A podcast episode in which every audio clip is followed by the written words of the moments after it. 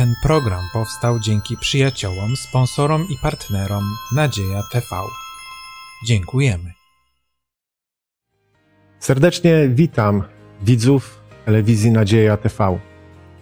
Spotykamy się w Kościele Adwentystów Dnia Siódmego w Podkowie Leśnej. Spotykamy się po to, aby omówić i skomentować wybrane fragmenty Słowa Bożego. Wraz z dzisiejszym spotkaniem rozpoczynamy nowy temat. Temat i zagadnienie, które poruszane są przez ewangelistę Mateusza, wyszły spod jego pióra i stały się świadectwem tego, co mógł obserwować. Syn Dawida to temat dzisiejszego spotkania.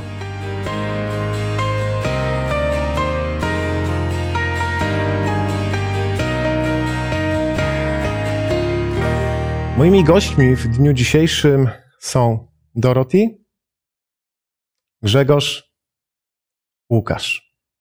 A ja mam na imię Grzegorz. Z uwagi na to, że chcemy dotykać tej Bożej skarbnicy, Bożego Słowa, chcemy przede wszystkim poprosić o Jego obecność, inspirację, o mądre myśli, tak by ten szczególny czas mógł przede wszystkim uwielbić Pana Boga. Będziemy się modlili. Chciałbym zaprosić do modlitwy Grzegorza. Panie nasz kochany Boże, zapraszamy Ciebie tutaj, kiedy będziemy pochylać się nad Twoim słowem, abyś Ty, Panie, nam siebie objawił, abyśmy wszystko, co będziemy mówili, mówili na Twoją chwałę i abyś nam pokazał piękno swego charakteru i piękno swojej osoby.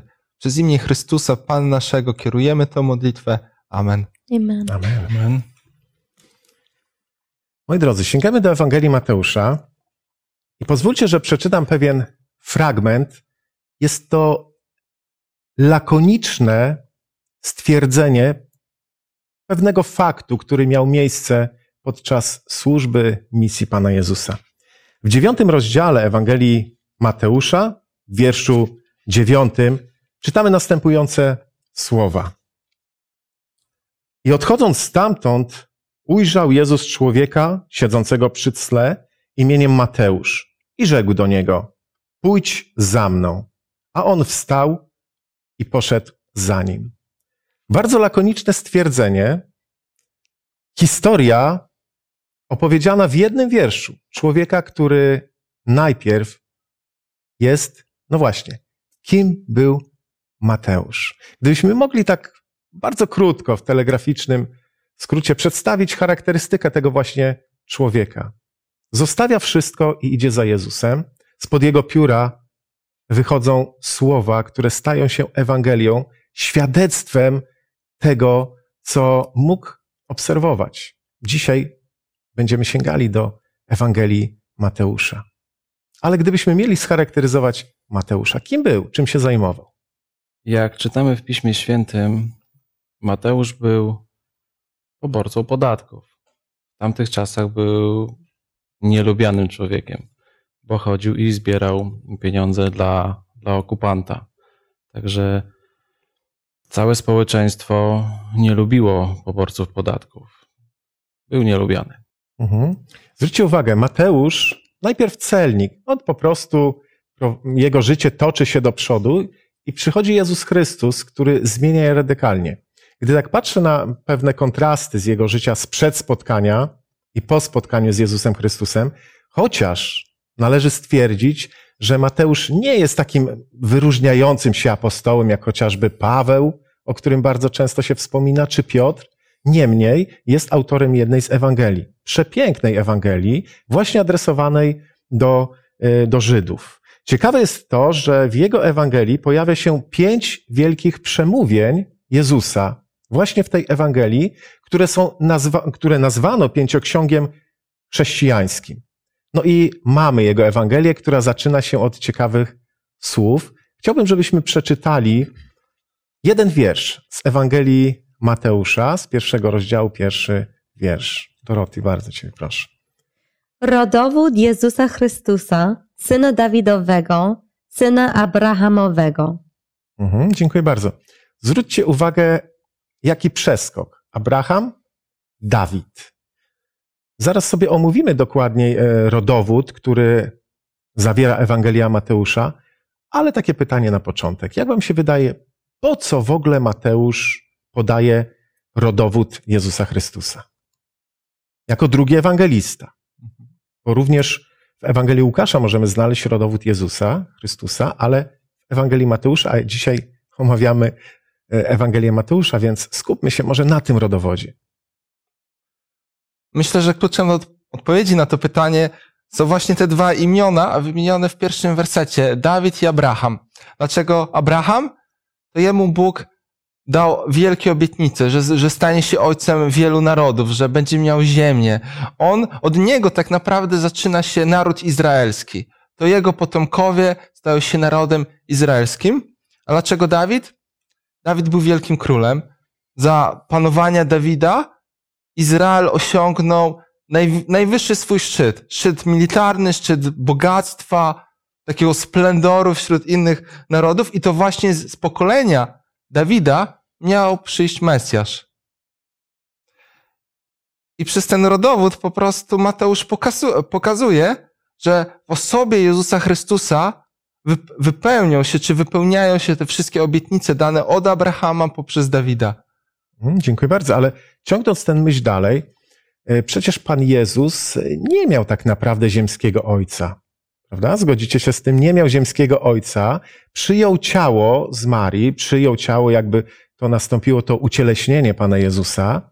I Mateusz próbuje jakby przekonać czytelników, że Jezus Chrystus ma swoje korzenie. Z czym to było związane? Myślę, że z proroctwami także, prawda? To jest ten, który przyjdzie z tego pnia Isajego. I pokazuje to takie człowieczeństwo Jezusa Chrystusa, prawda? Człowieczeństwo Jezusa Chrystusa, to, że e, przychodzi Syn Boży, ale to jest również, to jest również człowiek. Taka może ciekawostka dotycząca e, Ewangelii Mateusza. Gdy przyjrzymy się tak dokładnie rodowodowi, który podaje Mateusz, on tam niektóre osoby pomija. Są pominięte chociażby trzy osoby z rodu Achaba. Był to ród przeklęty. Mało tego, e, nie zgadzają się pewne imiona w kontekście porównywania ojcostwa i tak mhm. dalej. Tak więc o co chodzi tak naprawdę w tym rodowodzie? Czy chodzi o to, żeby w szczegółach podać to drzewo genealogiczne, czy też chodzi o wskazanie na pochodzenie Jezusa Chrystusa? Jak wam się wydaje? Oczywiście, wskazuje ewidentnie na Jezusa Chrystusa i warto sobie odpowiedzieć, dlaczego akurat 14, dlaczego ta liczba jest taka ważna. I właśnie w pierwszym rozdziale widzimy zastosowanie tutaj gematrii, takiego sposobu przekształcenia liter na cyfry. I wartość liczbowa imienia Dawid, samych samogłosek, dale dwa w dale, właśnie wynosi 14. I on tak wszystko dobiera, żeby było akurat po 14, żeby ewidentnie pokazać, że Jezus Chrystus jest potomkiem Dawida, a tym samym zapowiadanym Chrystusem i żeby nie było żadnych wątpliwości, że tak po prostu jest. To jest bardzo ważne, o czym, o czym mówisz, a to z tego względu, że Izraelici przywiązywali wielką uwagę do, do rodowodów. Mateusz, kierując do, do Żydów, do e, ludu, z którego e, pochodził, Ewangelię, dobrą nowinę, posługuje się tym właśnie e, rodowodem. Ciekawe jest to, że w Izraelu wtedy to pochodzenie biologiczne nie miało aż takiego znaczenia. Ważne było, e, ważne było jakby to potomstwo, które ma jakby, można powiedzieć, pochodzenie od osób, na które w tym przypadku wskazywały proroctwa. I tu mówimy o Jezusie Chrystusie. Widać Jego jego człowieczeństwo. Widać e, i Abrahama, widać tam również e, Dawida, ale co ciekawe, wtedy adopcja była jakby równa takiemu narodzeniu z ojca i matki. To traktowano e, tak samo i ta adopcja była tożsama właśnie z takim fizycznym narodzeniem. Ale jeszcze chciałbym podrążyć temat, ponieważ oczywiście pojawia się w rodowodzie e, Dawid. Dawid był królem. Dawid był królem. Jakie to ma znaczenie? Że z jednej strony ja podzieliłem sobie e, tę tematykę dotyczącą rodowodów na takie e, trzy części. Najpierw widać to człowieczeństwo Jezusa Chrystusa, ale mamy również to potomstwo królewskie. Jakie to ma znaczenie? Że Dawid y, pochodzi od króla Dawida. Może też z tego, żeby, żeby być królem, trzeba pochodzić od króla, tak trzeba być synem króla. Mhm. Mm, To jest istotne, prawda? Dlatego, że raz, że proroctwa wskazywały na Pana Jezusa, ale e, ten ród, ród królewski, Dawid został powołany przecież, powołany przez Pana Boga na tron. Został namaszczony przez proroka. Pamiętacie, w przypadku Dawida pojawia się takie ciekawe stwierdzenie. Pojawia się takie ciekawe stwierdzenie. Był to mąż, pamiętacie? Według serca Bożego. Według serca. Według serca. Hmm? Dawid nie tylko był królem, on był w ogóle ikoną Izraela, ikoną żydowską. Nawet jak popatrzymy, ile miejsca sama historia Dawida zajmuje w Biblii, to mamy. Prawie cała pierwsza księga Samuelowa, prawda? Prawie calutka druga księga Samuelowa. Troszeczkę w księdze królewskiej i w księdze kronik od dziesiątego rozdziału do końca. Czyli księgi historyczne są wypełnione po prostu historiami na temat Dawida. Jego mężnych czynów, tego jak rządził, jak rozbudowywał kraj, jak się wyzwolił spod panowania, tak jak wcześniej wspomniałem. Za rządów Dawida Izrael osiągnął swój szczyt. Po prostu szczyt militarny, szczyt ekonomiczny, był bardzo bogaty, był wyzwolony.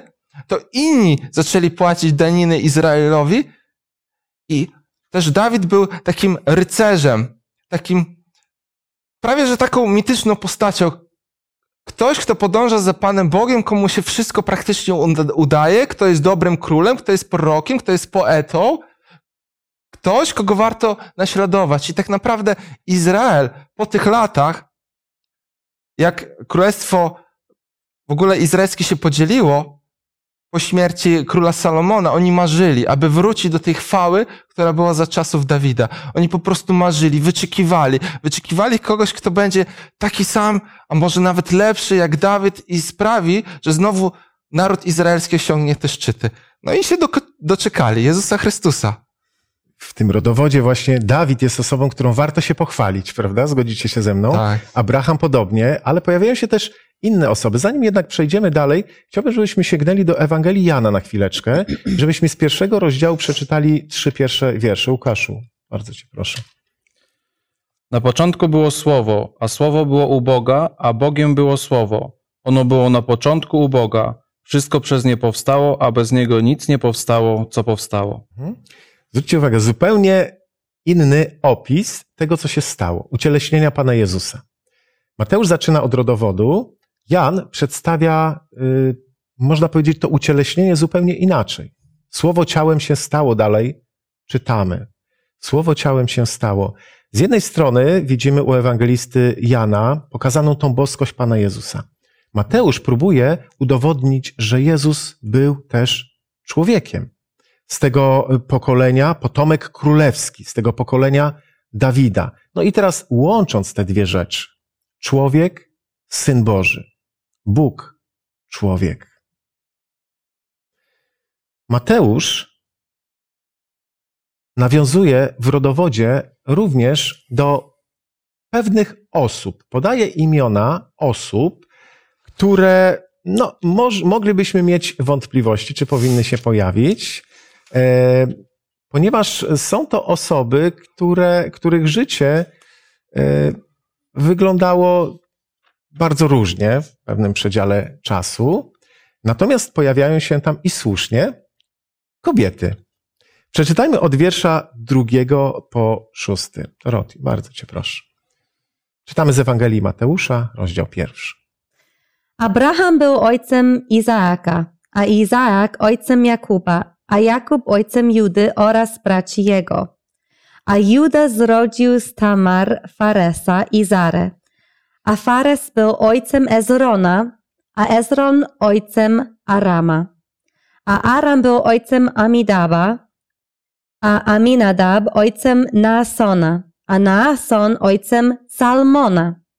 A Salmon zrodził z Rahab Boza, a Boz zrodził z Ruty Jobeda, a Jobed był ojcem Jesego, a Jese był ojcem Dawida, króla, a Dawid zro- zrodził z żona Uriasza Salmona.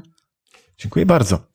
Nie praktykowano przy pisaniu rodowodów podawania imion kobiet.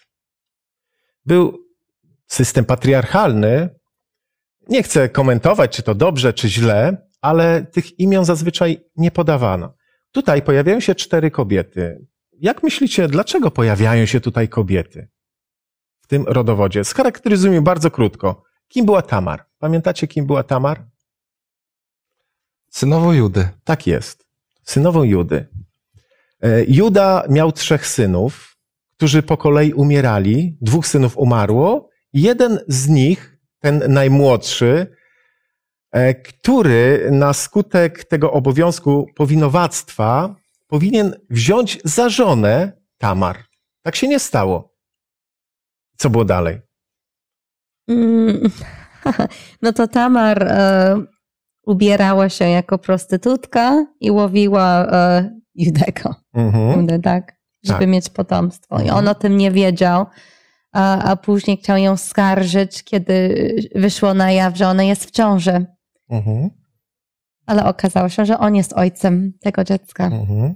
Co ciekawe, jeszcze Juda pod koniec tej historii podsumowuje Tamar i mówi, że ona jest bardziej sprawiedliwa niż on, gdyż w tamtym czasie była prawo lewireatu i tak naprawdę to, co ona osiągnęła przez podstęp, to jej się należało z racji prawa. Mhm. Taka osoba pojawia się w rodowodzie, ale mamy inne. Rahab. Możemy bardzo krótko scharakteryzować te osoby. Kim była Rahab? Też prostytutką. A no właśnie. Też była prostytutką. E, Prostytutka z Jericha. Rut. Moabitka, czyli Poganka. poganka. No i chyba y, najporządniejsza z tych niewiast, powiedzielibyśmy tak starotestamentowo, biblijnie, Batrzeba. Batrzeba. Cudzołożnica. Mhm, Kochanka króla. No więc właśnie. E, Moi drodzy, tak się zastanawiałem, dlaczego e, w rodowodzie Dawida nie pojawia się Sara, Rachela, Rebeka, ale pojawiają się właśnie kobiety, których, które prowadziły życie, jakie prowadziły. Jak wam się wydaje, jaki jest cel Mateusza, aby podać w życiorysie te właśnie osoby? Może po to, że u Boga jesteśmy wszyscy równi. On nie dzieli nas na kobietę, mężczyznę, kogoś ważniejszego czy mniej ważniejszego. U Boga, u Chrystusa wszyscy jesteśmy równi. Mhm. Jezus przyszedł, aby zbawić grzeszników i w jego rodowodzie widzimy takich jawnych grzeszników. To, to pokazuje, że tak naprawdę Jezus je- jest również dla nas. No taki jak Mateusz również, który był taki outsider, prawda? On, on nie był może wi, widziano w oczach innych Żydów jako bardzo sprawiedliwy, czy nawet dobry i on chciał pokazać, że e, tak jak mówicie, że nieważny e, jest nasz przeszłość, ważna jest nasza przyszłość. I wspaniałe jest Ewangelii, że tak naprawdę ona niesie ze sobą taką świeżość. W tamtym czasie pojęcie zbawienia było zarezerwowane dla ludzi świętych, dla ludzi prawych. Ewangelia trafiała Jezus Chrystus do grzeszników. Była kierowana do zupełnie innej grupy ludzi. Po drugie, po drugie zaczęły pojawiać się kobiety. To również było odwrócenie całego sposobu myślenia. Nagle kobieta może być kimś ważnym, może się pojawić w rodowodzie, co nam pokazuje, że tak naprawdę ta Ewangelia zdobywała, zmieniała, zmieniała myślenie ludzi. I też warto zauważyć, że Mateusz pisze w drugiej, tą swoją Ewangelię w drugiej połowie pierwszego wieku. Niektórzy uważają rok osiem- 80, niektórzy 60, ale to były te czasy, kiedy ta Ewangelia już powoli stawała się coraz bardziej znana innym narodom, również pogańskim.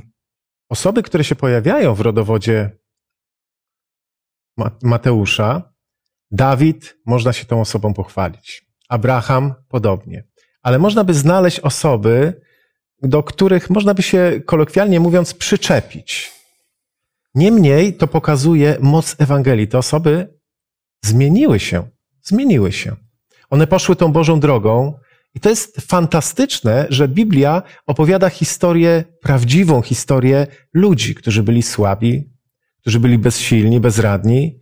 I widać tą potęgę i moc Bożą, kiedy Bóg podnosił tych ludzi do góry. Gdybyśmy czytali kronikę jakiegoś króla, prawdopodobnie by były same pochwały, prawda? Co ten król zrobił, co potrafił osiągnąć i tak dalej. Biblia opowiada historię ludzi słabych. Noe, który upił się, prawda? Lot miał swoje doświadczenia i u Abrahama by się coś znalazło i u nas też by się coś znalazło, chociaż Biblia o nas nie mówi, ale taki jest Bóg. Bóg jest miłością. Zamykając ten temat rodowodu, chciałbym zwrócić Waszą uwagę na pewien fragment ze, słowego, ze Słowa Bożego, e, który znajdziemy w księdze Ezdrasza. Grzegorzu, chciałbym Ciebie poprosić o przeczytanie tego fragmentu. Z drugiego rozdziału księgi Ezdrasza, wiersz 59 i 61. Dlaczego ten tekst Pisma Świętego? Ano dlatego, że Izraelici przywiązywali naprawdę wielką wagę do rodowodów, szczególnie do rodowodów królów i kapłanów. Były nawet takie księgi genealogiczne, które były przechowywane w świątyni. Na podstawie tych ksiąg niektórych kapłanów po prostu odsunięto od ich funkcji i właśnie ten fragment Słowa Bożego na to wskazuje. Drugi rozdział Księgi Ezdrasza, 59 wiersz i 61. A to są dawni jeńcy Stel Melach, Stel Harsza, z Kerub, z Adan i z Imer, którzy nie mogli podać swojego rodowodu i pochodzenia i dowieść, że są, że się wywodzą z Izraela, synów Delajasza, synów Tobiasza i synów Nekody, 652 mężów. Na podstawie tego fragmentu można wywnioskować, że przywiązywano wielką uwagę do rodowodów. Tak jak powiedzieliśmy i słusznie zauważyliście, że celem Mateusza jest wskazanie z jednej strony na człowieczeństwo Jezusa Chrystusa, z drugiej strony na wypełnienie proroctw i po trzecie pojawiają się osoby, których życie radykalnie się zmieniło na skutek właśnie Bożego działania i są w rodowodzie Jezusa Chrystusa. Ale kochani, to byli grzesznicy. To byli grzesznicy. Jak się to ma do faktu, że Jezus Chrystus, który przychodzi, jest bez grzechu, jest synem Bożym, a ma w swoim rodowodzie grzesznych ludzi? Czy to ma jakieś znaczenie dla nas dzisiaj żyjących? No chcę powiedzieć, że, że może my też nieraz czujemy, że trudno jest zwyciężyć, e, kiedy wiemy, jaka była mama nasza, jaki był ojciec nasz, e, nasze historie, tak? Że niektóre naszych e, problemy mamy w genach. Och. Mhm. Ale no Jezus, ta sytuacja była trochę wyjątkowa, prawda? Bo się urodził z naturą doskonałą. My nie. Ale wszystko możemy zwyciężyć y, z nim. On może dać nam nowe serce. On może zmienić nawet nasze geny i nasze tendencje. I, i wystarczy patrzeć y, na niego. Mhm, dziękuję bardzo. To jest istotne, co powiedziałeś, a to z tego względu, popatrzcie, Pan Bóg przyznaje się po prostu do nas. Pan Bóg przyznaje się do nas. Słyszałem kiedyś taką historię, o nauczycielu religii, który rozmawiając z dziećmi, przedstawiał im historię zaparcia się Piotra, a później opowiedział o Judaszu. Jedno dziecko zadało pytanie: A proszę powiedzieć, skoro Pan Jezus wiedział, że Judasz wyda go, dlaczego go wybrał? Nauczyciel chwilę pomyślał i stwierdził tak. W zasadzie jestem w stanie zrozumieć, dlaczego Pan Jezus wybrał Judasza, ale nie rozumiem, dlaczego wybrał mnie. I naprawdę w tej historii jest taka pigułka dobrej takiej nowiny, Ewangelii o tym, że Bóg jest y, tym doskonałym Bogiem, ale moim przyjacielem, który przyznaje się do mnie, pomimo moich słabości. W jakim celu? Po to, żeby mnie poprawić, po to, żeby naprawić moje życie, doprowadzić mnie do Królestwa Niebieskiego. Pozwólcie, że po, posłużę się pewną pomocą naukową. Jesteście w stanie powiedzieć, co to jest? Brelot, tak? Breloczek. Co to jeszcze może być? Pendrive. Pendrive. Futerał ma coś. Jakiś Etui. futerał, prawda? Okej, okay, to jest, zgadza się, to jest i breloczek, i to jest pendrive. Dlaczego to pokazuje? Popatrzcie, jesteśmy w stanie określić, że to jest w skórzanym futerale, że to jest breloczek, że to jest koloru czarnego. Ale czy jesteście w stanie mi powiedzieć, czy coś jest na tym pendrive'ie? Hmm. To tak naprawdę wiem tylko ja, prawda? Posługuję się tą ilustracją, tą pomocą naukową, ponieważ chciałbym, abyśmy poszli w kierunku i właściwie starali się zbilansować pewne fakty, o których mówi Mateusz i wiarę, do której nawiązuje w dalszej części swojej Ewangelii. Jak to jest w dzisiejszych czasach? Czy nie spotykacie ludzi, którzy bardzo często szukają w Piśmie Świętym odpowiedzi? Próbują z historycznego punktu widzenia popatrzeć na Ewangelię, na rodowody i znajdując słusznie pewne pominięcia Mateusza w rodowodzie, pewne słabe ogniwa, mówią, ale czy to naprawdę ten Jezus to był ten, o kim on pisze? I jak wam się, jak wam się wydaje, jak zbilansować e, właściwie te fakty, które gdzieś w Piśmie Świętym się pojawiają, jako wątki historyczne, z wiarą? Jak wyradzicie sobie ty, z tym w waszym życiu? Poznając Pana Boga, odkrywając Go na co dzień. Na pewno podchodzicie do Pisma Świętego z wieloma pytaniami. Ja sobie takie pytania również stawiam. Dlaczego w tym rodowodzie nie ma takiej osoby, a jest taka osoba? Robiłem to przed tą lekcją. Jak radzicie sobie z takimi dylematami? Jak to właściwie zbilansować? Czy powinny być te fakty? Czy ich nie powinno być? Czy powinniśmy ślepo wierzyć? Czy też powinien ten balans odpowiednio być rozłożony? Są fakty w Piśmie Świętym, one są, ale również jest ta wiara. Jak na to patrzycie, biorąc pod uwagę wasze doświadczenie z Panem Bogiem? Ja uważam, że jakby wiarę można było w 100% udowodnić, to już by nie była wiara, tylko czysta nauka. Że wiara pozostawia pewne niedomówienia, pewne takie rzeczy, no po prostu musisz w to uwierzyć, przyjąć to, że tak jest. I oczywiście nie wszystkiemu wierzyć ślepo, bo byśmy się zagubili na tym świecie. Każdy nam obiecuje gruszki na wierzbie, nie wiadomo jakie rzeczy. Teraz jest pytanie, komu mamy wierzyć? Mhm. I warto po prostu sprawdzić. Ja wierzę Bogu, dlaczego? Bo mu zaufałem i widziałem, jak Bóg działa w moim życiu. Widziałem wysłuchane modlitwy. Czułem obecność Bożą, czułem nadzieję, która mi się pojawia w tych trudnych momentach. I widzę, że Bóg po prostu działa. Daje mi taki pokój. Pokój ducha, kiedy wkoło mnie jest sztorm, kiedy jest wiele problemów.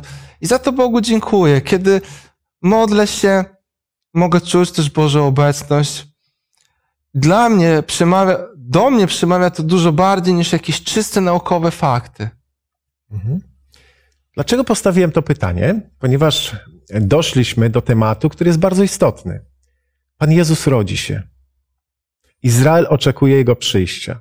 Ma ponad 300 proroc dotyczących mesjańskości Jezusa, Syna Bożego, który ma przyjść. No i co się dzieje? Mamy mędrców ze wschodu i mamy króla Heroda. Mamy ludzi, którzy tak, a nie inaczej reagują na przyjście Mesjasza i mamy tych, którzy są tym Kościołem Bożym w tamtym czasie i ich odbiór mesjańskości Jezusa jest taki, jaki jest. Co się stało? Czego zabrakło? A Czy wy nie mówicie po polsku, że najciemniej jest pod latarką? Może latarnią. coś, tak. Czy coś takiego? Mhm. Według mnie zabrakło takiego pragnienia bliskości Pana Boga, no bo pisma były, fakty były, jakieś proroctwa były, ale nie było tego pragnienia. Ja chcę być blisko Boga, ja chcę szukać tego Boga, ja chcę się dowiedzieć, jaki On tak naprawdę jest i nawet jeśli trzeba będzie zapłacić jakąś cenę wędrówki, to ja to zrobię. Według mnie tego zabrakło. U narodu izraelskiego, a co ciekawe, ci mędrcy, tutaj wymienieni, tutaj jest e, greckie słowo magoj użyte, czyli liczba mnoga od słowa magos, kojarzone z magami, ale kiedyś to słowo odnosiło się do perskich kapłanów albo do mezopotańskich astrologów. Czyli to byli ludzie o zabarwieniu takim pogańskim, prawda? Nawet religii pogańskiej, nie jakiś tam zwykły poganin, ale nawet kapłan, ktoś, kto się tym zajmował. I mimo, że ci ludzie być może też nie wierzyli do końca w prawdziwego Boga, ale oni mieli takie, ale oni mieli takie pragnienie, aby odnaleźć tego Boga, aby się przekonać, jakim jest ten prawdziwy Bóg. I kiedy odnaleźli proroctwa mówiące o tej gwieździe, która, która wzejdzie w niebo, to oni zapragnęli wyruszyć i, i poznać tego Pana Boga. No i spotkali Jezusa Chrystusa i oddali Mu chwałę i teraz możemy o nich przeczytać w Biblii. Dla mnie to jest wielkie świadectwo, aby nie klasyfikować ludzi. A ty to wierzysz tak, to to... możesz sobie odejść, a ty to jesteś z takiej religii, być może buddysta, być, być może jakiś człowiek z Hari Krishny, być może ktoś inny, ale w tym człowieku może być takie większe pragnienie poznania Boga, większe pragnienie pójścia za Panem Bogiem, niż na przykład u chrześcijanina, a być może u, u adwentysty nawet. Z taką wielką ufnością, prawda? Tak. Z takim zaufaniem do Pana Boga. Czy takie zagrożenia mamy dziś, możemy je obserwować? Czy one, one stanowią potencjalną przeszkodę w przegapieniu przyjścia Pana Jezusa?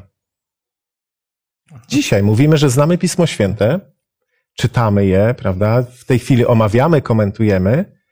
I tak myślę o tamtym czasie, czy świat był gotowy na narodzenie Pana Jezusa? Zadaję sobie pytanie, bo oni czekali na to przyjście. E, I w pewnym momencie Mesjasz przy, przychodzi, rodzi się w stajence.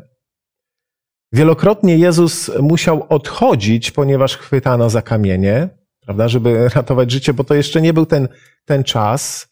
No i sam fakt ukrzyżowania Pana Jezusa. I myślę o nas dzisiaj żyjących.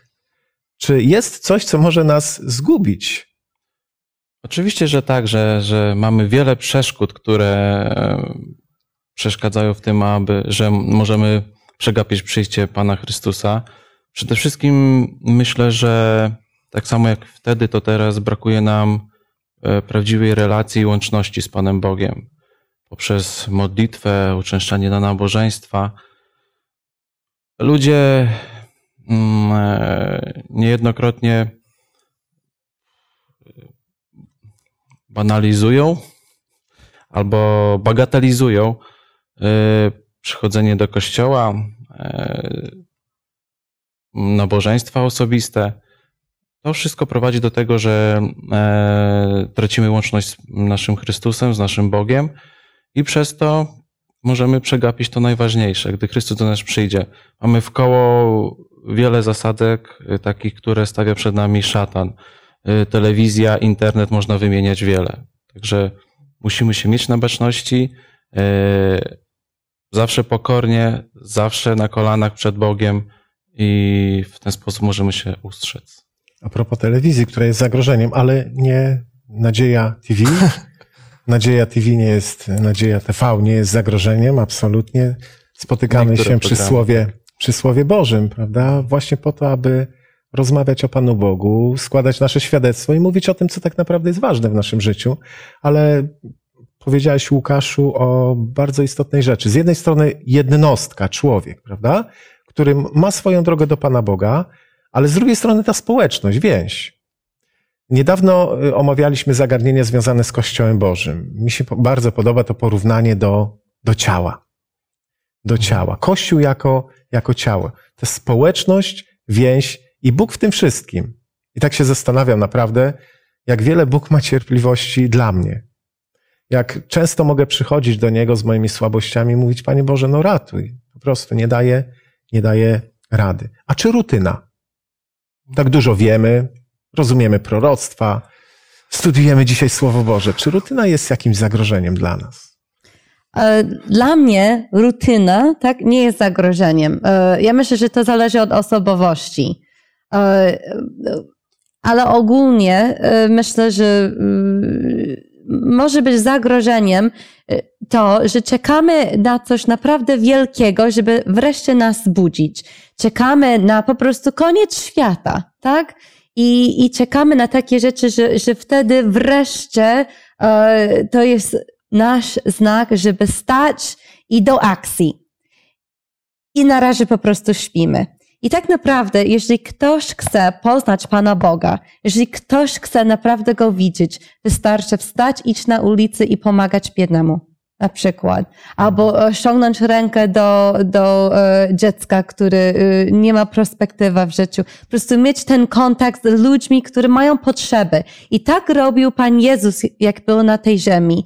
I, I właśnie to jest taki paradoks, że w jego czasach czekali na Mesjasza, ale czekali na takiego wielkiego króla, który będzie ich ratować.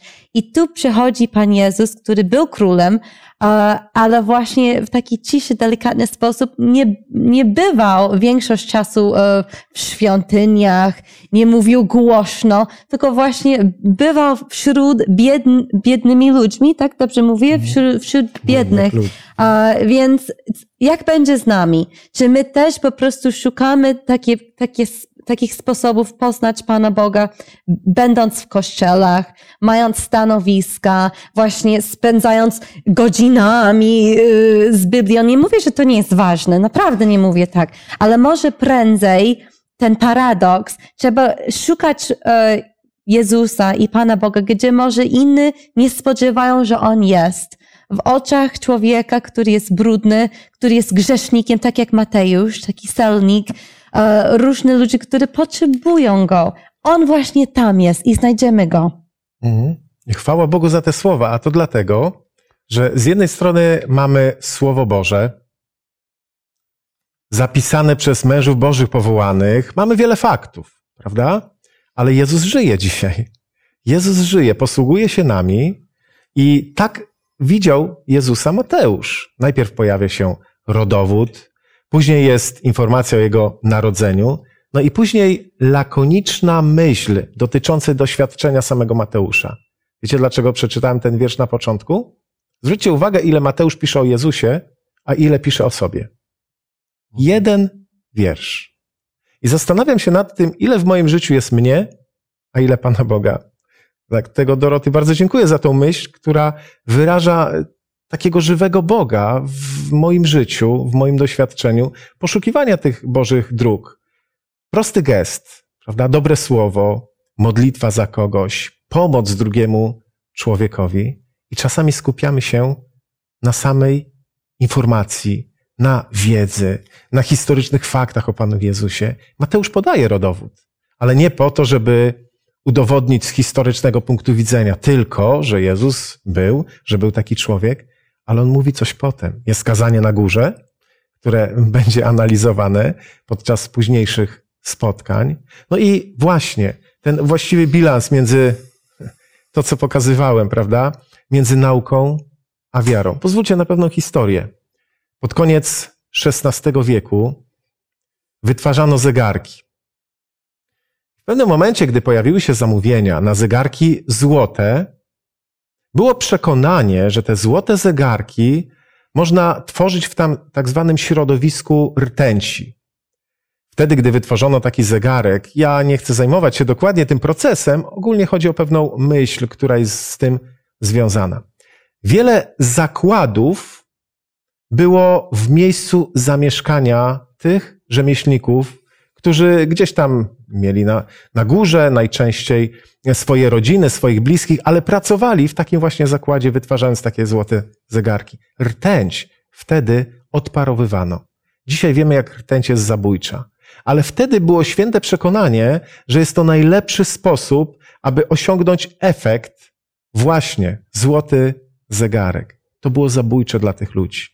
I tak myślę sobie, że my dzisiaj możemy opierać się na faktach, na wiedzy, a możemy to zbilansować, właśnie właściwie zbilansować z wiarą w Jezusa Chrystusa.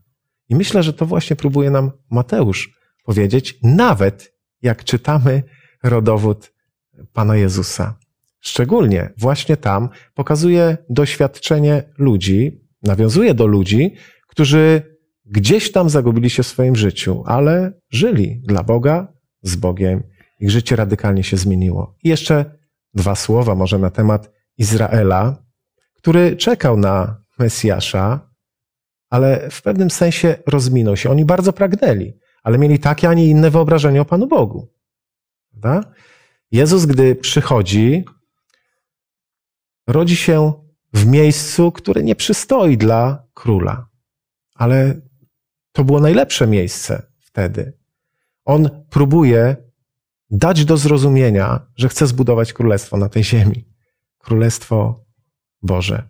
Chciałbym, żebyśmy podsumowali, chyba że macie jeszcze myśli, którymi chcecie to e, uzupełnić. Nie macie na razie, tak?